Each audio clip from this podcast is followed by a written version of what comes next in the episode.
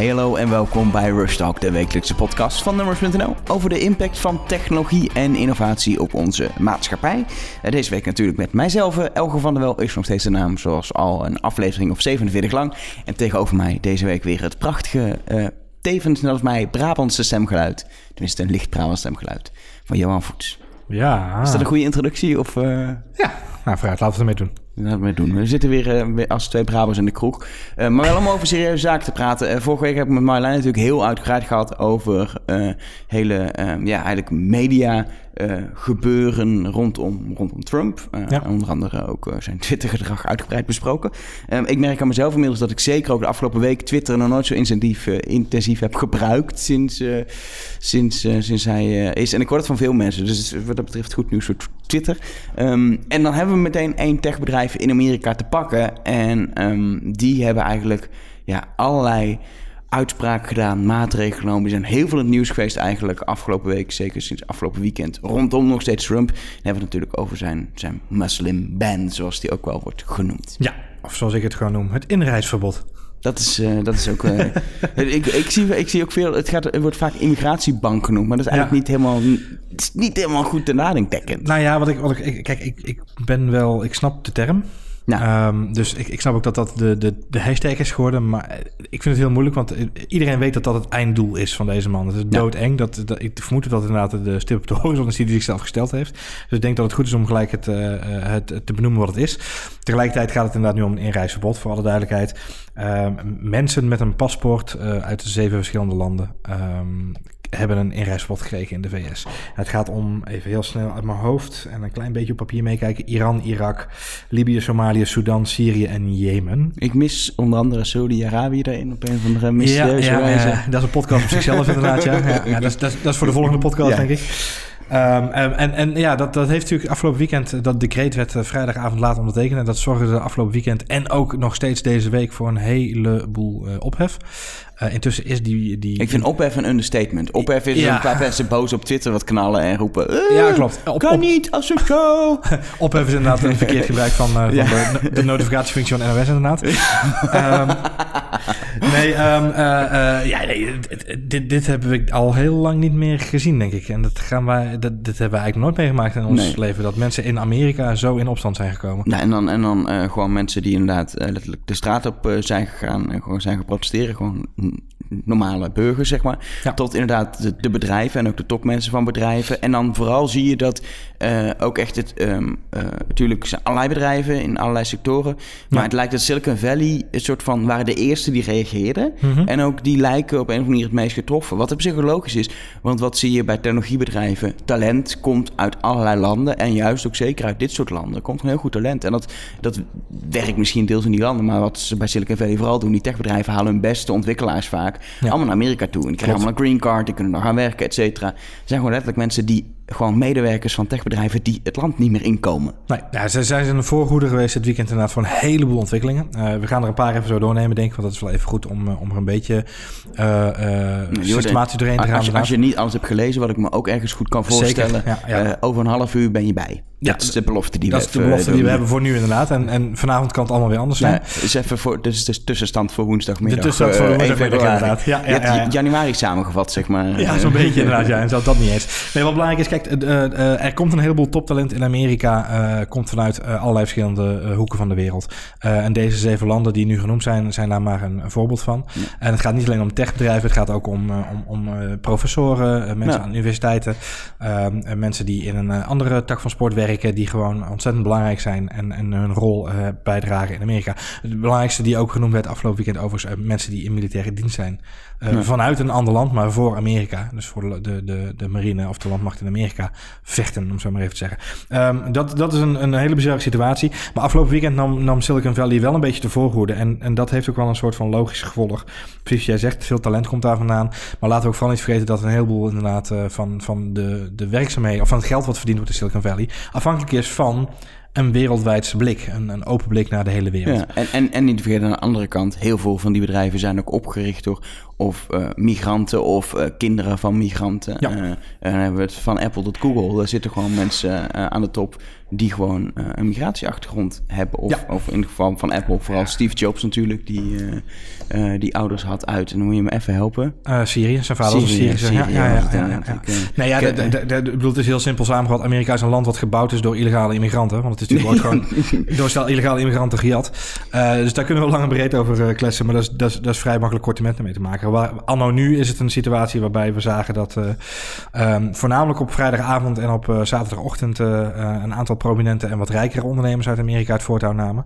Ehm, ik, ik, weet je, we zagen die protesten ontstaan. En, en dat was heel s- s- surreëel om mee te maken. Omdat het normaal gesproken iets wat je zou verwachten in landen waar het allemaal wat minder goed geregeld is. Wat minder. waar, dit soort rellen wel vaker voorkomen. We hebben natuurlijk de. de, de ehm, de Arabische lente gehad, waarbij we ook dit soort, nou, niet, niet dit soort tafereelen, maar wel eh, dit soort uprisings zagen ontstaan. Ehm, en dit zagen we afgelopen vrijdag ook ontstaan op vliegveld in New York, vliegveld in San Francisco. Eh, mensen gingen gewoon spontaan naar het vliegveld. En daar zagen we tussen al die mensen in ook wel een paar bekende ondernemers. Nou, Sergey Brin was daar, namens Alphabet. Eh, niet namens Alphabet, moet ik zeggen. Hij was daar op persoonlijke titel. Ja, maar we kennen hem allemaal van Alphabet, of eigenlijk eh, van, van vroeger uit van, van, van, Google. Ja, ja, ja, dus hij, eh, hij was daar inderdaad op persoonlijke titel. Maar hij zegt, ja, weet je, ik ben hier wel namens een groot bedrijf door getroffen geraakt eh, door dit soort ontwikkelingen. Chris Sacca, een bekende investeerder in, in Amerika, nam het voortouw echter op een heel ander vlak. En die ging online donaties werven. Jij dat nog een beetje meegekregen Ja. op Twitter. En dat vond heel snel eh, eh, gevolg bij andere eh, eh, online ondernemers, of eigenlijk Silicon Valley entrepreneurs. Waaronder Tony Men- Fidel. men- Ja. Mensen met geld, zeg maar. Ja, mensen die het ook kunnen missen. inderdaad. Ja. Nou, wat natuurlijk een bizarre situatie was, is dat de, de, ehm, eh, de onderwijsinstelling die of de, onderwijs, de overheidsinstelling die verantwoordelijk is voor eh, ehm, eh, dit soort immigratievraagstukken, dat die in één keer het aantal donaties zagen toenemen tot 24 miljoen dollar in ongeveer vier dagen tijd, wat ze normaal gesproken in een jaar binnenhalen. Grotendeels ook gevoed door, ja, door dit soort PR natuurlijk. Hele bizarre aangelegenheid. En we zagen eh, op, op online media, Twitter, Facebook, natuurlijk iedereen in de pen klimmen om, eh, ja, om hun eh, eh, woorden uit te spreken tegen deze Ja, en eh, ook- decreten. En ook de, de, de, de techleiders die zeg maar een, een, een, een, geen reactie gaven op een gegeven moment. Of een, of een vrij teruggetrokken reactie. Omdat ja, eh, eh, effect is, eh, Trump is president van Amerika. Ze zitten bij die man nog steeds aan tafel. Ja. Eh, willen ook het liefst toch gewoon met hem kunnen praten. Om nog iets te kunnen sturen aan zijn beleid, hopen ze. Ja. Dus sommigen kiezen de bus voor om zich niet altijd even hard uit te spreken. Maar die werden ook weer aangevallen op het feit van ja, eh, eh, hoezo zo'n laf statement? Ja. eh, Nou ja, wat het meest opvallende voor mij was, eh, was Jack Dorsey van Twitter. Die, eh, kijk, die, die spinnen natuurlijk garen bij het feit dat Trump überhaupt eh, Twitter weer relevant heeft gemaakt. Daar hebben jullie het vorige week al een beetje over gehad ook. Ehm, de- Jack kwam voor Square, zijn andere bedrijf, heel snel eh, op de prop met een statement. Voor Twitter duurde dat veel langer. kwam het ook met veel meer eh eh, poezelige eh, eh, woordjes erin, zou ik bijna willen zeggen. Hetzelfde gold voor Elon Musk, die Ja. ook eh, eigenlijk vrij... Ja, weet je, ik vind ook niet dat je uitgesproken hard hoeft te zijn in zo'n... In zo'n je moet Nou, alleen afkeuren. En Elon Musk zit natuurlijk gewoon echt in het, in het, in, in het team met, met onder andere Pieter Thiel... om echt te praten over het beleid van, van Ja. Trump. Ja, die dus- wil denk ik ook graag zijn plek aan tafel behouden. Elon Musk is echt wel een slim man en denkt volgens mij gewoon... dat hij het verschil kan maken door daar mee te praten... en, Ja. en ook zijn mening onderbouwd te kunnen laten zien... Eh, dus ja, die, die gaat zijn eigen glazen niet ingooien door een heel hard statement te. Hij heeft, Nee, wel, ja. hij heeft wel gezegd, dit is niet de manier. En hij heeft een soort oproep gedaan. Dat vond ik wel interessant. Van, hey, kijk nou eens naar wat hij heeft opgeschreven, Trump. Kijk Ja. nou eens wat zijn, wat ergens... Hij heeft ergens natuurlijk een, een, een doel om eh, eh, terreur tegen te gaan. Mhm. Kijk nou eens van, hey... Zijn er geen slim mensen die alternatieven kunnen verzinnen? Kijk nou eens wat hij opgeschreven. Kunnen we dit op een andere manier doen? Kunnen we hier gewoon met Ja. Mhm. de wisdom of the crowd... om maar eens een jaren nul term aan te halen... eh, kunnen, we, kunnen we op die manier samen eh, een alternatief bieden? Kan ik nou, weet je, eh, verzin wat, dan... wat hij eigenlijk niet letterlijk zei, maar figuurlijk zei... geef mij een nieuw papiertje met z'n allen... dan ga ik daarmee naar Trump en Ja. leg dat onze neus van... hey, is dit geen alternatief? Maar dan moet er wel een alternatief zijn. Ja. En dat vind ik wel interessant. Hij ook al... Weet je, je kan, ehm, je kan heel boos worden terecht... en, en bedrijven eh, eh, nemen allerlei maatregelen... en, en investeren fondsen. Ehm, maar eh, dit soort meer diplomatieke oplossing...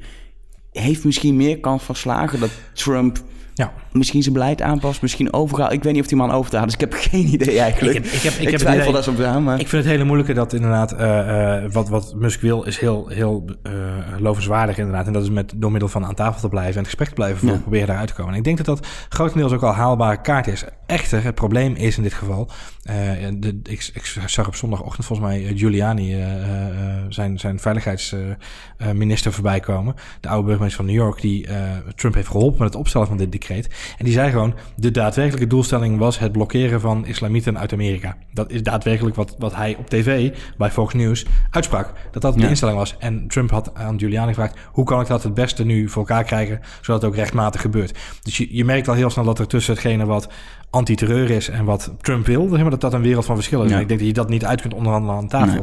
Omdat het onderaan de streep de doelstelling gewoon veel te ver af ligt van wat daadwerkelijk nu gespiegeld wordt. Nee, en, Ehm, en, en het gaat inderdaad, eh, wat dat betreft, er zijn meer... Het, het gaat heel erg over Trump, maar er zijn wat meer spelers Zeker. dan alleen Trump.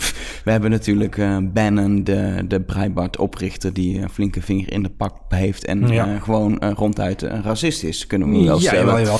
Nou goed, maar dat zijn mensen die aangesteld zijn door Trump en, Ja. en met een specifieke Missie. True. Ehm, dus niet voor nu om op in te gaan, maar als je gaat kijken naar wat hij organisatorisch nu aan het klaarspelen is binnen zijn team en binnen de, binnen de regering van Amerika, wat hij kan binnen met zijn decreten en met zijn nieuw verworven kracht, is dat het herstructureren van, eh, van zijn overheidsteam tot een situatie waarbij hij eigenlijk alleen met Bannon eh, eh, redelijk alleen macht heeft over veiligheidsissues. Ja. Dat is een doodenge situatie. Dat is, een ander- dat, dat is een andere podcast van een ander moment.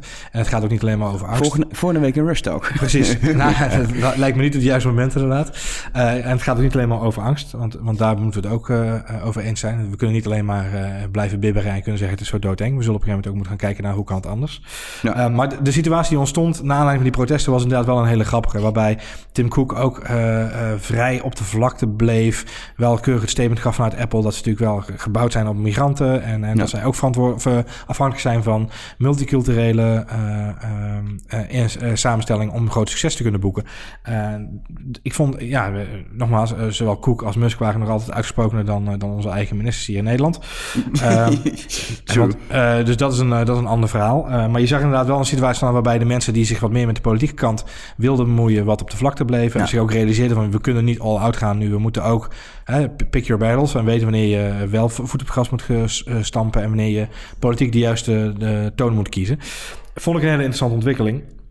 Ehm, eh, het andere wat, ik, wat mij verbaasde en wat ook een beetje het brugje is naar, eh, naar de, de volgende ontwikkeling naar aanleiding van die protesten, was inderdaad die taxi-branchevereniging in, Ja. in New York, die ook gelijk zeiden we staken, we gaan staken, want wij zijn wij zijn ook hè, grotendeels afhankelijk van Ja. immigranten, eh, eh, een, een grote moslimgemeenschap ook, eh, taxichauffeurs in, in New York.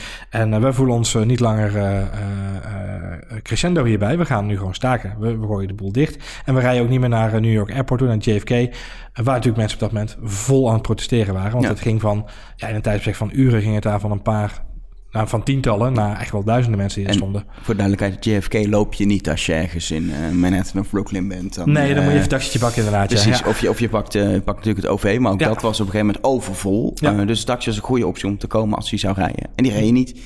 Tenminste, de gewone taxis niet, want dan is er altijd nog die ene app. Ja, zo'n appje wat je kunt gebruiken. Ja. Uber inderdaad. Ja, Uber dacht, dacht iets heel erg sympathieks te doen. Want Uber heeft natuurlijk, zoals misschien de meeste mensen wel weten, eh, de zogenaamde surge-prijzen. Ja. Eh, Surge, even om het eh, niet zo heel Nederlands uit te spreken. En eh, surge houdt eigenlijk in dat op het moment dat het echt heel druk is, gooien ze de prijzen wat omhoog. Ja.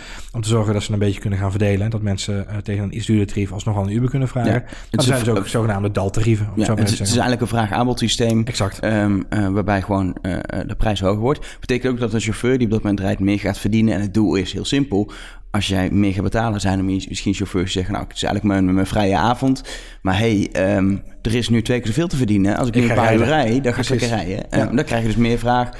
Uiteindelijk, aanbod wordt weer groter. Zou dat ergens uit moeten. Dat is een beetje het idee. Dat is het idee erachter inderdaad. Nou, eh, Valt wel eens iets anders uit. Valt waardoor je opeens vier keer zoveel betaalt voor een taxi... op een moment dat je denkt... Hm, is dit nu het moment dat Ja. je vier keer zoveel mensen wil laten betalen voor een taxi? Nou, ja, dat, dat wilden ze dus voorkomen. Dus die de- zeiden heel sympathiek, we gooien dat gewoon nu plat. We gaan gewoon voor een flat, eh, plat tarief gaan we rijden. Eh, geen, geen moeilijke algoritmes die de boel bepalen. Eh, en dat werd door een hele hoop mensen gezien als een soort van manier om gebruik te maken van die staking bij de New Yorkse taxidienst. En echt, ik heb duizenden mensen voorbij zien komen op Twitter... die allemaal zeiden, delete Uber. Hashtag delete Uber. Heb je al die mensen hun tweets bekeken? Ja, ik heb ze allemaal bekeken. Eén voor één. Nee, het is gewoon echt... Ja. Ik, ik, ik weet niet hoe jij dat beleeft. En voor mij vrijdagavond en, en ook zaterdag... Uh, grotendeels, los van het feit dat je gewoon je dagelijkse beslommeringen hebt. Maar op het moment dat ik... Ik heb wel vrijdagavond en tot de, in de vroege uren heb ik met verbazing sociale media in de gaten zitten houden. Uh, en wat mensen doen en welke initiatieven ze ontplooien. En um, meer vanuit een antropologisch oogpunt dan misschien nog wel vanuit een politiek oogpunt. Maar het is meer om te zien hoe gaan mensen ermee om. De situatie in New York en in San Francisco met al die protesten was sowieso verbazingwekkend om te zien. Vind ik altijd fascinerend dat mensen toch ineens bij elkaar komen en dit soort protesten kunnen opzetten. Mm -hmm. uh, ook de, de initiatieven die dan online ontstaan. Hè, de Twitter-accounts die opgezet worden met allerlei verschillende soorten spoof-accounts, grappige accounts, uh, accounts die de leukste gifjes weten te maken. Uh, tot inderdaad mensen die dus inderdaad met de hashtag delete Uber duidelijk aan het maken waren. Je moet Uber verwijderen, want Uber is evil. Uber probeert nu gewoon geld te verdienen aan onze stakingen. Nou, dat is natuurlijk helemaal niet de bedoeling geweest. Tenminste, dat, zo nee. vat ik het niet op. En, en volgens uh, Travis Kalanick, de, de founder van uh, Uber, ook niet. Sterker nog, die kwam uh, iets later met het punt van... hey, um, uh, chauffeurs die voor Uber rijden, wat eigenlijk een soort van freelancers zijn natuurlijk, ze zijn helemaal niet in dienst bij Uber, en die problemen hebben met, met, met de ban, die het land niet inkomen, of de, familie het land niet inkomen, dat soort dingen. Um, uh, die betalen wij gewoon drie maanden door ja. om ze gewoon financieel te compenseren voor deze belachelijke maatregel, want daar ja. zijn we gewoon tegen. Um, uh, ja. dat, dat staat in geen verhouding tot uh, een slaatje willen slaan uit nee. die hele situatie die was ontstaan en, New York. En, en het bizarre is dat dit nu overkomt als zijn een doekje verbloeden. Omdat ze, hè, er zijn dus nu nog steeds mensen die zeggen... ja, nee, die doen ze alleen maar omdat ze slechte PR hebben gehaald. Het is nu een extra PR-stunt. Terwijl ik oprecht denk... Ik, ik, ik, kan, ik weet niet zo heel veel van, van, van Uber en, en van Travis als persoon. ik, weet je, ik, ik heb verhalen van gehoord dat aan de ene kant is een hele moeilijke man... aan de andere kant is het ook een hele uh, betrokken man bij zijn bedrijf. Nou, Uber heeft gewoon een wisselend imago. Ook, ook, hebben ze ook zelf gedaan, bewust. Hebben ze ook zelf bewust een beetje in, op ingespeeld natuurlijk. Uh, maar ik denk wel dat dit gewoon een, een, een vreselijk uit de hand gelopen goed initiatief is geweest. Dat gewoon dat helemaal verkeerd opgepakt ja. is. Ja, ik, ik denk ook dat... Ik, ik, je moet echt een beetje raar zijn als bedrijf. Je denkt, ik ga hier echt geld aan verdienen op zo'n moment. Ja. Kan ik me gewoon niet voorstellen. Ook niet als je bedenkt om hoeveel euro zou het dan gaan, weet je. Is het dat waard om op zo'n moment een slaatje uit te slaan? Kan, kan me gewoon, ja, misschien ben ik heel naïef, maar ik kan me dat niet voorstellen. Nee, plus dat ik me sowieso niet... Kijk, ik, ik zat dus als je het bekijken en ik vraag me sowieso af... op het moment dat iemand besluit om in plaats van vier keer het normale tarief... het normale tarief te gaan vragen... Ja. Dan, nee, weet je, mensen wilden toch wel die taxis hebben. Ik denk dat sowieso inderdaad mensen wel, ook als ze vier keer tarief hadden moeten betalen, waren misschien mensen alsnog wel via Uber gewoon naar het vliegveld toe gegaan om daar gebruik van te kunnen maken. Ja. Dus ik vind dat sowieso een, een verrassende uh, uh, interpretatie van mensen. En het probleem is dat, weet je, zeker, dat is een beetje een social media probleem, dat weten we intussen al, al, al, al bijna tientallen jaren nu. Het, het kan al heel snel de verkeerde kant op sneeuwballen in plaats van de goede kant. Ja. Nou, dat is voor, voor, voor u was dat een vervelende situatie. Um, en ja, weet je, dat zorgde toch voor die extra PR-stunt uh, die ze hebben moeten plaatsen. V vinden ze zelf van niet, denk ik. Uh, dat het geen extra was, maar dat het er gewoon bij hoorde. Ik ben, ik ben er gewoon een beetje verbaasd over. Um, nou, vooral omdat ik denk, weet je, dit, in dit weekend was dit bijna een van de belangrijkste topics aan het worden op Twitter ongeveer rondom Trump. Natuurlijk los van alle, alle tweets over hoe belachelijk het is. Ging, was het delete Uber? Zeker in, in Amerika natuurlijk. In Nederland zijn er weinig mensen, denk ik, die er actief aan mee hebben gedaan. Um, maar het viel me gewoon op, weet je. Dat, is dit dan waar we ons... Ja. Waar we ons zo, is waarom, weet je, misschien zoek je gewoon een soort, soort manier om je even af te zetten tegen dat je boos bent. Want je ja. bent boos op beleid van Trump daarin. Is, dit dan, is dat een soort van meer psychologisch middel dat je even een zondebok zoekt waar je wel iets aan kan doen? Ja, je kan die app deleten, weet je? Ik weet het ook niet. Ik weet ook niet. Als ik ook zie wie het, wie het omarmde. Ik zag toevallig dat een van de, uh, in een van de artikelen die op Vans of op nummers geschreven, volgens mij was het de Vans. Uh, daar schreven, dat, dat was uh, Jesse Williams, is een acteur uit de Amerikaanse serie Grey's Anatomy. Die won afgelopen uh, najaar nog een prijs. Ik weet niet meer precies waar het was, maar daar hield hij een vurige speech over racisme en over problemen die er in het land golden in Amerika, of gelden in Amerika, sorry. Um, En, en dat was een van de eerste personen die daar een, een, een statement over wilde maken. En, en dan denk ik van ja, juist iemand die zo'n rol heeft genomen en zo'n rol wil claimen, die denkt toch al even drie keer na voordat hij zo'n statement mee ondersteunt. Lijkt mij. Maar goed, um, weet je, dat, dat was gelukkig. En ik zie nu nog steeds wel tweets voorbij komen, maar volgens mij wordt het alweer een heel stuk minder. En, en ja, wat ik wel opvallend vond, overigens, dat een leuk feitje is dat Uber nu wel heeft duidelijk gemaakt dat ze ook nog wel een flinke uh, verandering hebben door moeten voeren in hun systeem. Hoezo? Want voorheen hadden ze maar tientallen uh, uh, opzeggingen per week zo'n beetje. En nu waren het in één keer duizenden. En dat was een soort van handmatig checksysteem wat erin zat.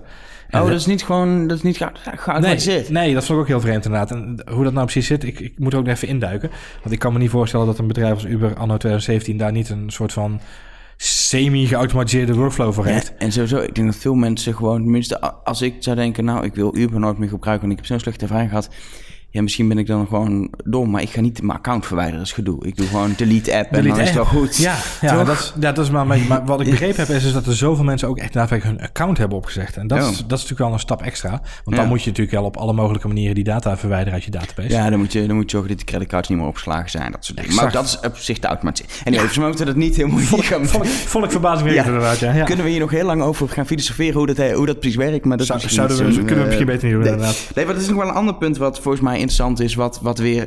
Het weekend was het weekend van Delete Uber, zeg maar, als je naar de tech kijkt. En de eerste reacties. En eigenlijk in de week daarna kwamen, kwamen andere reacties op. En ook echt bedrijven die, die gingen kijken van... oké, kunnen, wat kunnen we doen? En dan is ja, de enige weg die je op een gegeven moment hebt, is de rechter. Ja. Dus uh, er zijn uh, eigenlijk, eigenlijk onder aanvoering van, uh, van Amazon... zijn uiteindelijk... En, en Expedia, dat is een reiswebsite... Ja. heeft uiteindelijk Microsoft zo aangesloten. Die hebben gezegd, we gaan juridische stappen nemen... om te kijken of we gewoon kunnen zorgen dat, hier, dat, dat het stopt. Dat we gewoon weer onze medewerkers het land in kunnen. Dus- wat wel vrij essentieel is om je bedrijf te runnen. Ja, wat heel prettig is. Nou, wat, wat belangrijk is, want veel mensen vragen zich ook af van... wat gebeurt er nou eigenlijk daar met die decreten? Want wat, wat, wat is die man nou kan doen? Uh, mag hij zomaar wetten schrijven? Nee. nee. Uh, dit zijn geen wetten die, die Donald Trump uitschrijft, maar het zijn decreten. En deze decreten moeten inderdaad getoetst worden door rechters op, op geldigheid. Ze gaan wel per, per direct in. Uh, hij mag ze wel gelijk, het zijn opdrachten die hij geeft aan overheidsinstanties. Maar op het moment dat een van de overheidsinstanties zegt, ho ho, dit klopt niet. Of een particulier inderdaad, van ho ho, het klopt niet dan mag een rechter ze toetsen en mag een rechter ze ook uh, ongedaan maken. Ja. Nou, wat is er gebeurd afgelopen weekend? De foto's en de beelden daarvan zijn fantastisch om te zien.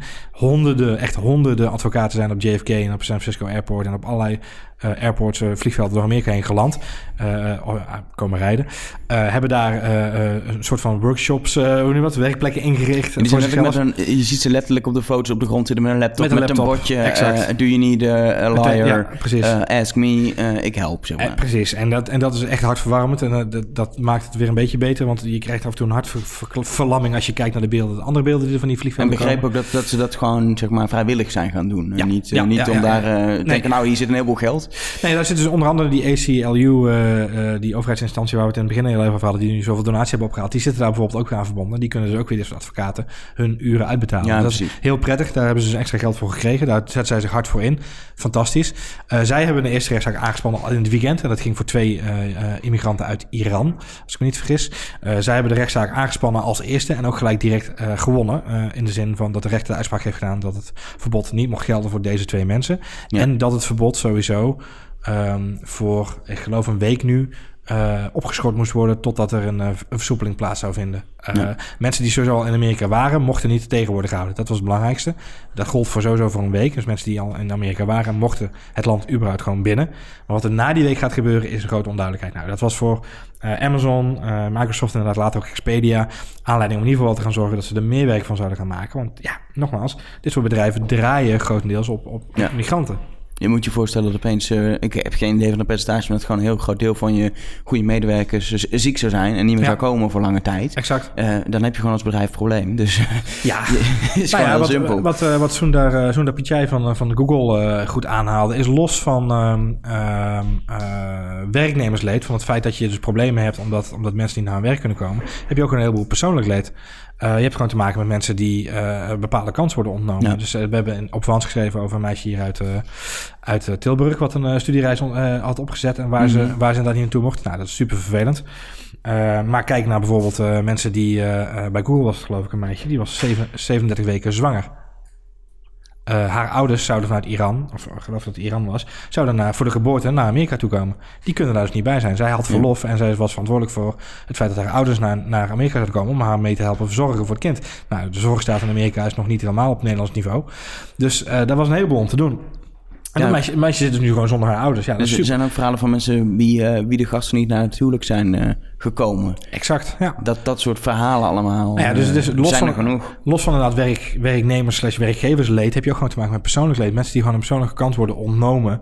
om, ja, om, om het om maximaal uit zichzelf te halen, om, om beter te worden. En uh, ja, dat is natuurlijk heel erg, uh, heel erg treurig. Nou, Amazon en, en Microsoft zijn alle twee wel bedrijven... die daar natuurlijk heel erg voor, voor staan. Voor de kracht van hun werknemers. Ja. ja die sluiten nu, gaan nu als eerste die rechtszaken aanspannen. En vandaag werd ook bekend dat ook Apple... volgens mij bezig is met de eerste onderzoeken naar... Ja. naar uh, juridische stappen. Dus ik denk dat dat een ontwikkeling is die we zeker nou letten in de gaten moeten gaan houden. En die bedrijven schijnen nog wel, uh, als het nodig is, wat juridisch uh, kapitaal zeg maar, te hebben. In de vorm van heel veel goede advocaten en een redelijk goede geldbodem om, om, ja. om daarin te stoppen. Ja, zeker. los van dat natuurlijk de staat ook redelijk wat goede juristen heeft. Dus dat kan nog wel een interessante juridisch gevecht worden. Ja, dit wordt een heel spannend juridisch gevecht. En ik, ja, nogmaals, ik vind het, ik vind het uh, fascinerend om te zien dat in ieder geval de bedrijven nu op deze manier hun verantwoordelijkheid gaan nemen. Ja.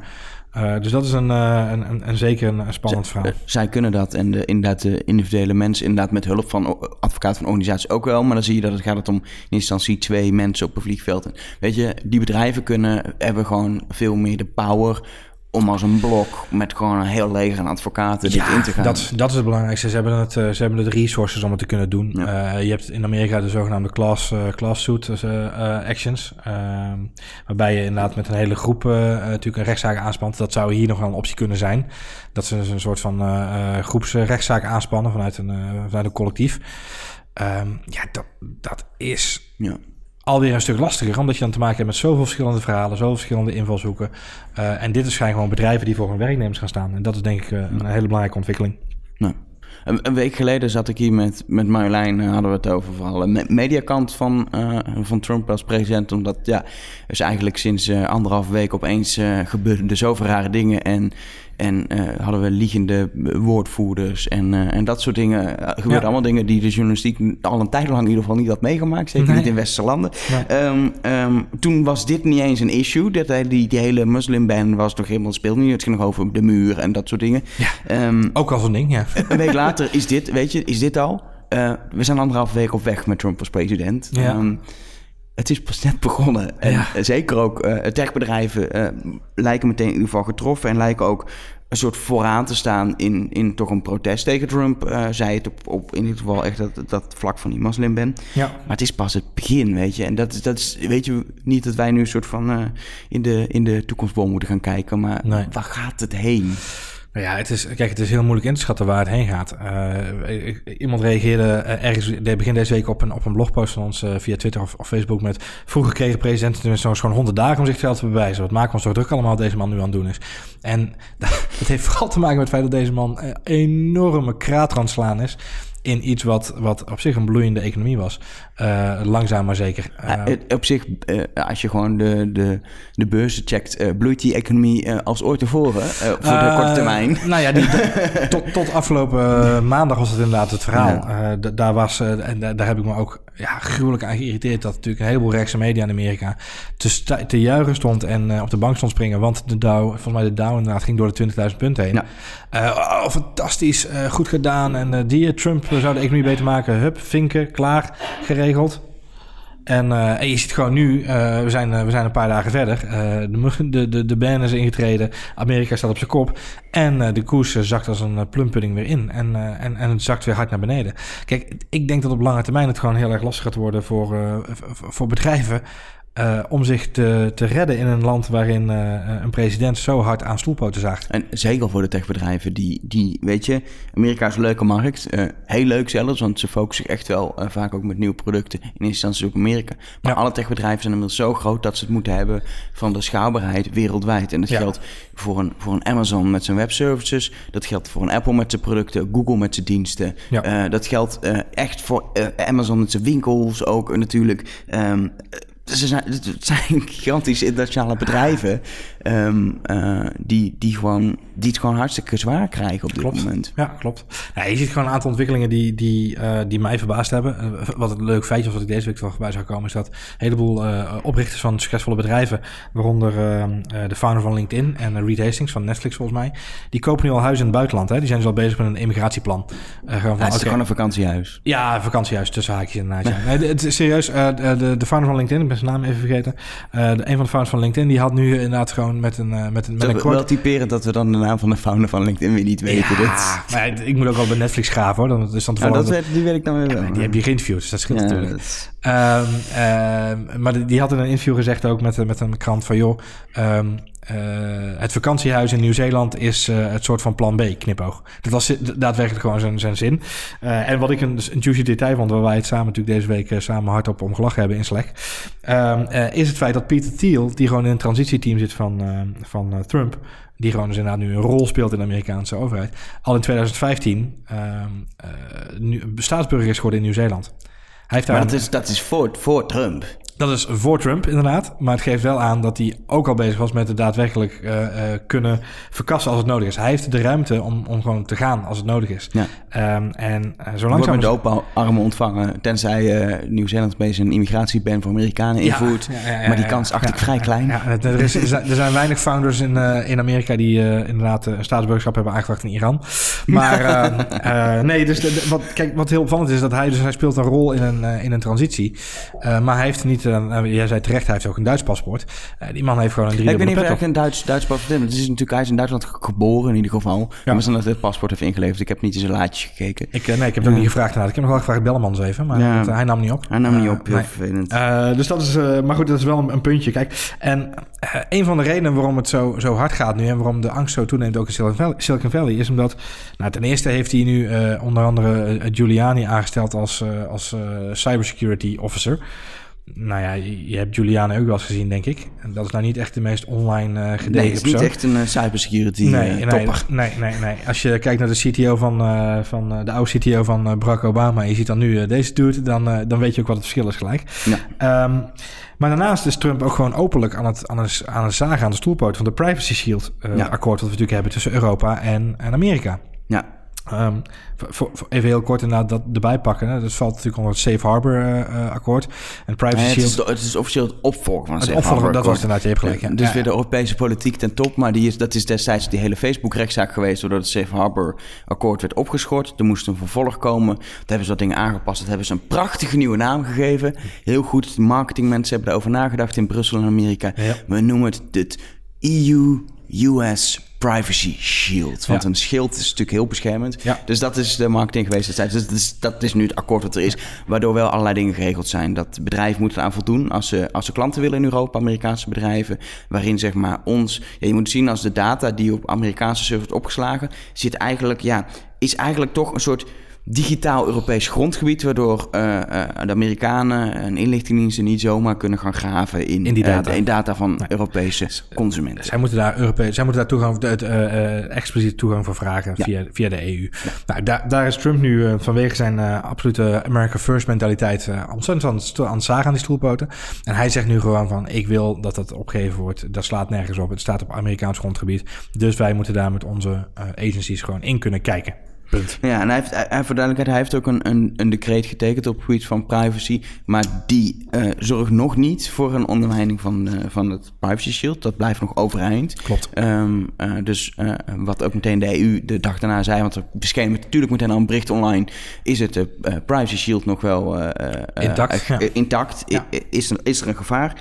Nou, de EU heeft ook meteen gezegd, of de Europese Commissie is het dan geloof ik officieel die dan een reactie Ja. geeft. Ja, ja. Op dit moment hoef je echt geen zorgen te maken, is nog intact. En dit gaat dan niet over wat hij nu heeft ondertekend. Dus je kom je echt in heel juridische teksten terecht waar je Klopt. niet in wil eh, zitten als normale burger. Het punt is, dat is nu. En je weet niet wat hij gaat doen. Uh, uh, zij het niet. Hij is nu natuurlijk allemaal dingen aan het regelen via decreten. Maar uiteindelijk gaat hij ook gewoon via het congres, waar de Republikeinen ook een meerderheid hebben, dingen regelen. En dan kan Mhm. Hij inderdaad op een gegeven moment wel zeggen: hey, we stappen uit het akkoord. Hij is al uit, uh, uit TPP Parijs, gestapt. ja, dat, is een, ja, dat is een, een, een soort transatlantisch akkoord met, met, met uh, Canada en Mexico, maar ook wat Aziatische landen over Klopt. handel. Daar zit ook een heel privacy stuk in. Daar is eigenlijk, zijn bepaalde privacy afspraken al uh, verdwenen, omdat die eruit is gestapt. Um, Europa is het voorlopig nog intact. We weten alleen niet hoe dat over... Nou ja, we hoeven niet over morgen te praten. Dat is echt niet opeens weg. Maar over een jaar, we weten het niet. Je weet niet of je, of je dadelijk opeens weer lekker door de NRC-molen kan gehaald worden... om Nee.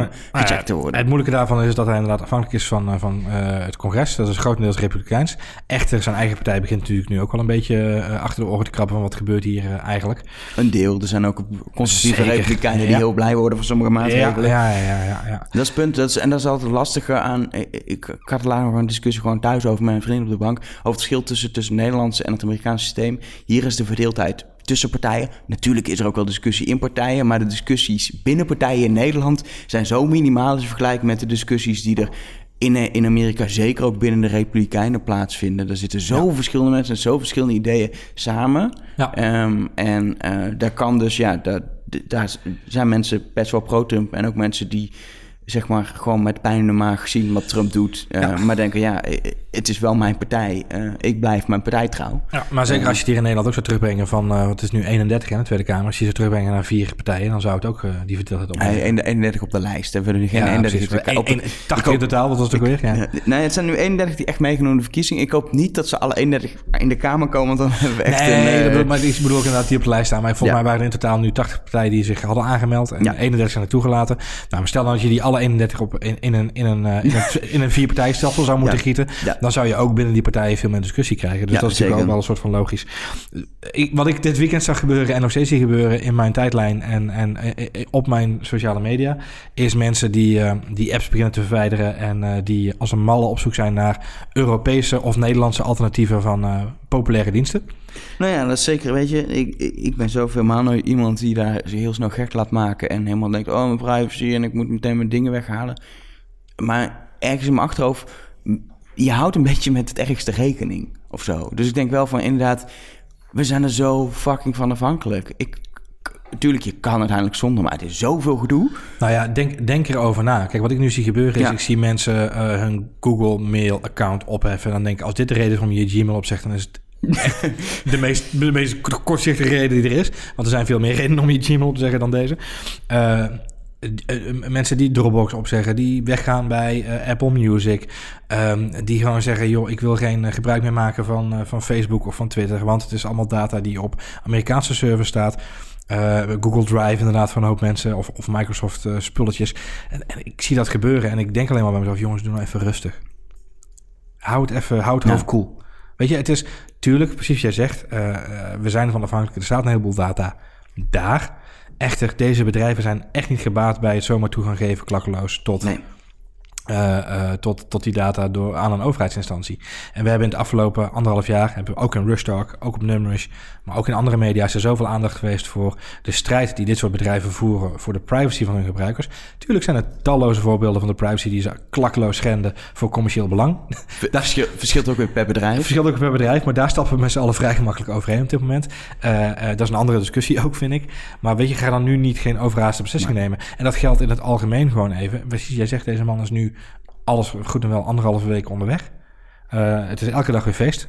Eh, Het is ook s'avonds zo, zo na het eten, dan denk je, nou, wat zou hij deze week eh, of de- vandaag eens eh, ondertekenen? wat, ja. wat, wat staat er op zijn to-do-list? welke, re- welke reality show is er vandaag op de Donald, de Donald.tv? Ik moet er trouwens over nadenken, want dat is wel grappig. Hè? Want hij had, hij had natuurlijk, als hij niet zou worden gekozen als kandidaat voor de Republikeinse Partij, dan had hij al een afspraak liggen met volgens mij Breitbart of met een andere uitgeverij. en dat hij een eigen online tv-kanaal zou beginnen, de Donald.tv. En volgens mij is hij dat nu gewoon alsnog gaan doen, alleen dan in het White House, weet je? En in plaats van dat hij eigen tv-zenders daarvoor een eigen tv-studio voor inricht heeft, maakt hij nu gewoon gebruik van Fox en van CNN. Ja. En, maar, ja, En het is- Facebook Live. Hij heeft gisteren gewoon eh, die Precies. bekendmaking van, de, van zijn nominatie voor eh, de rechter voor het Hoge Rechtshof. Ja. Heeft, hij, heeft, hij gewoon, heeft hij gewoon via Facebook Live eh, gestreamd. Ah ja, hij maakt, er een, hij maakt er een show van. Het is, ehm, het is een heleboel mensen zijn doodsbang omdat ze denken dat deze man een idioot is. En, en ik denk dat de kostklap ook is om dat gewoon te denken.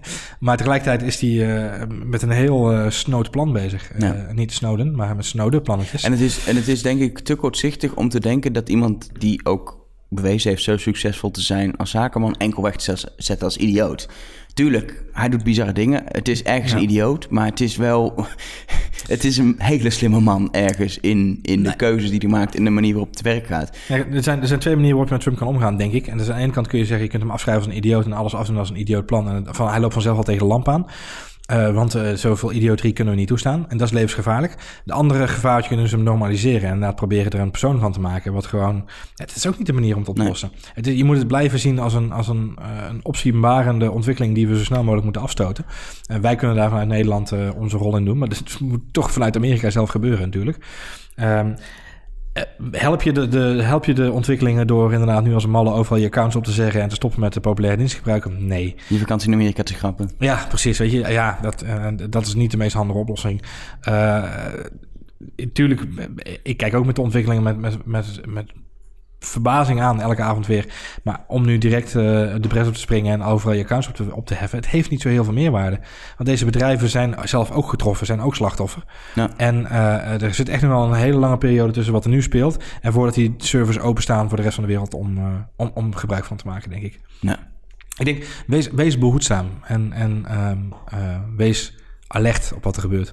En wees geïnformeerd ook vooral, denk dat ik. Vooral, en laat je ja. ook niet...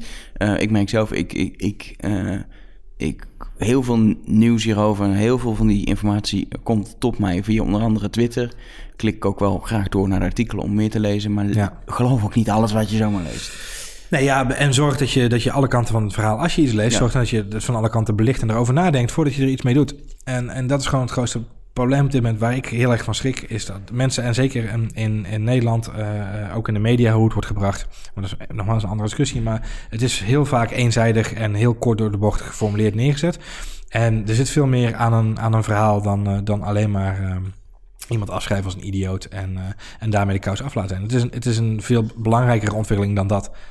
Uh, het, is niet, het is niet zomaar even een mafketel die, uh, die tijdelijk een grapje komt uithalen. Dit is een ontwikkeling die wereldwijd uh, impact heeft. En ook, weet je, in Europa spelen dit soort dingen. Nou, zelfs in Nederland spelen dit soort dingen. Zelfs in Nederland spelen dit soort dingen. En daarom... Of juist in Nederland, misschien moet ik dat wel zeggen. Ja, misschien ook wel inderdaad, ja. En juist, en dat is ook de reden waarom we na aanleiding van Amerika nu ook heel veel mensen naar 15 maart kijken. En hier in Nederland ja. de boel in de gaten houden. En internationaal gezien staan we in de, in de spotlight met onze ja. verkiezingen. Dus laten we de juiste keus maken. En tot die tijd, zorg dat je de informatie ophaalt. Tot zover mooie woorden van Johan Voets.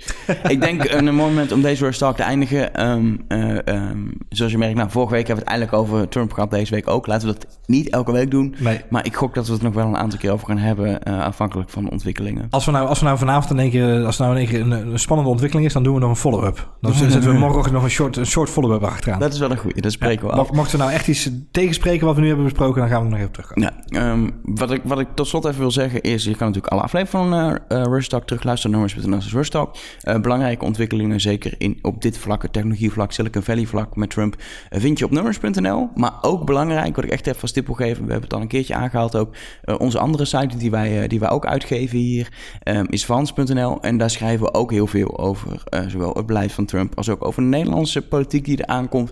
Verkiezingen proberen we dat ook op een, op een wat andere manier te belichten dan misschien sommige andere media doen. Ja mijn uh, tip is gewoon check dat Vans.nl is echt de moeite waard om te controleren.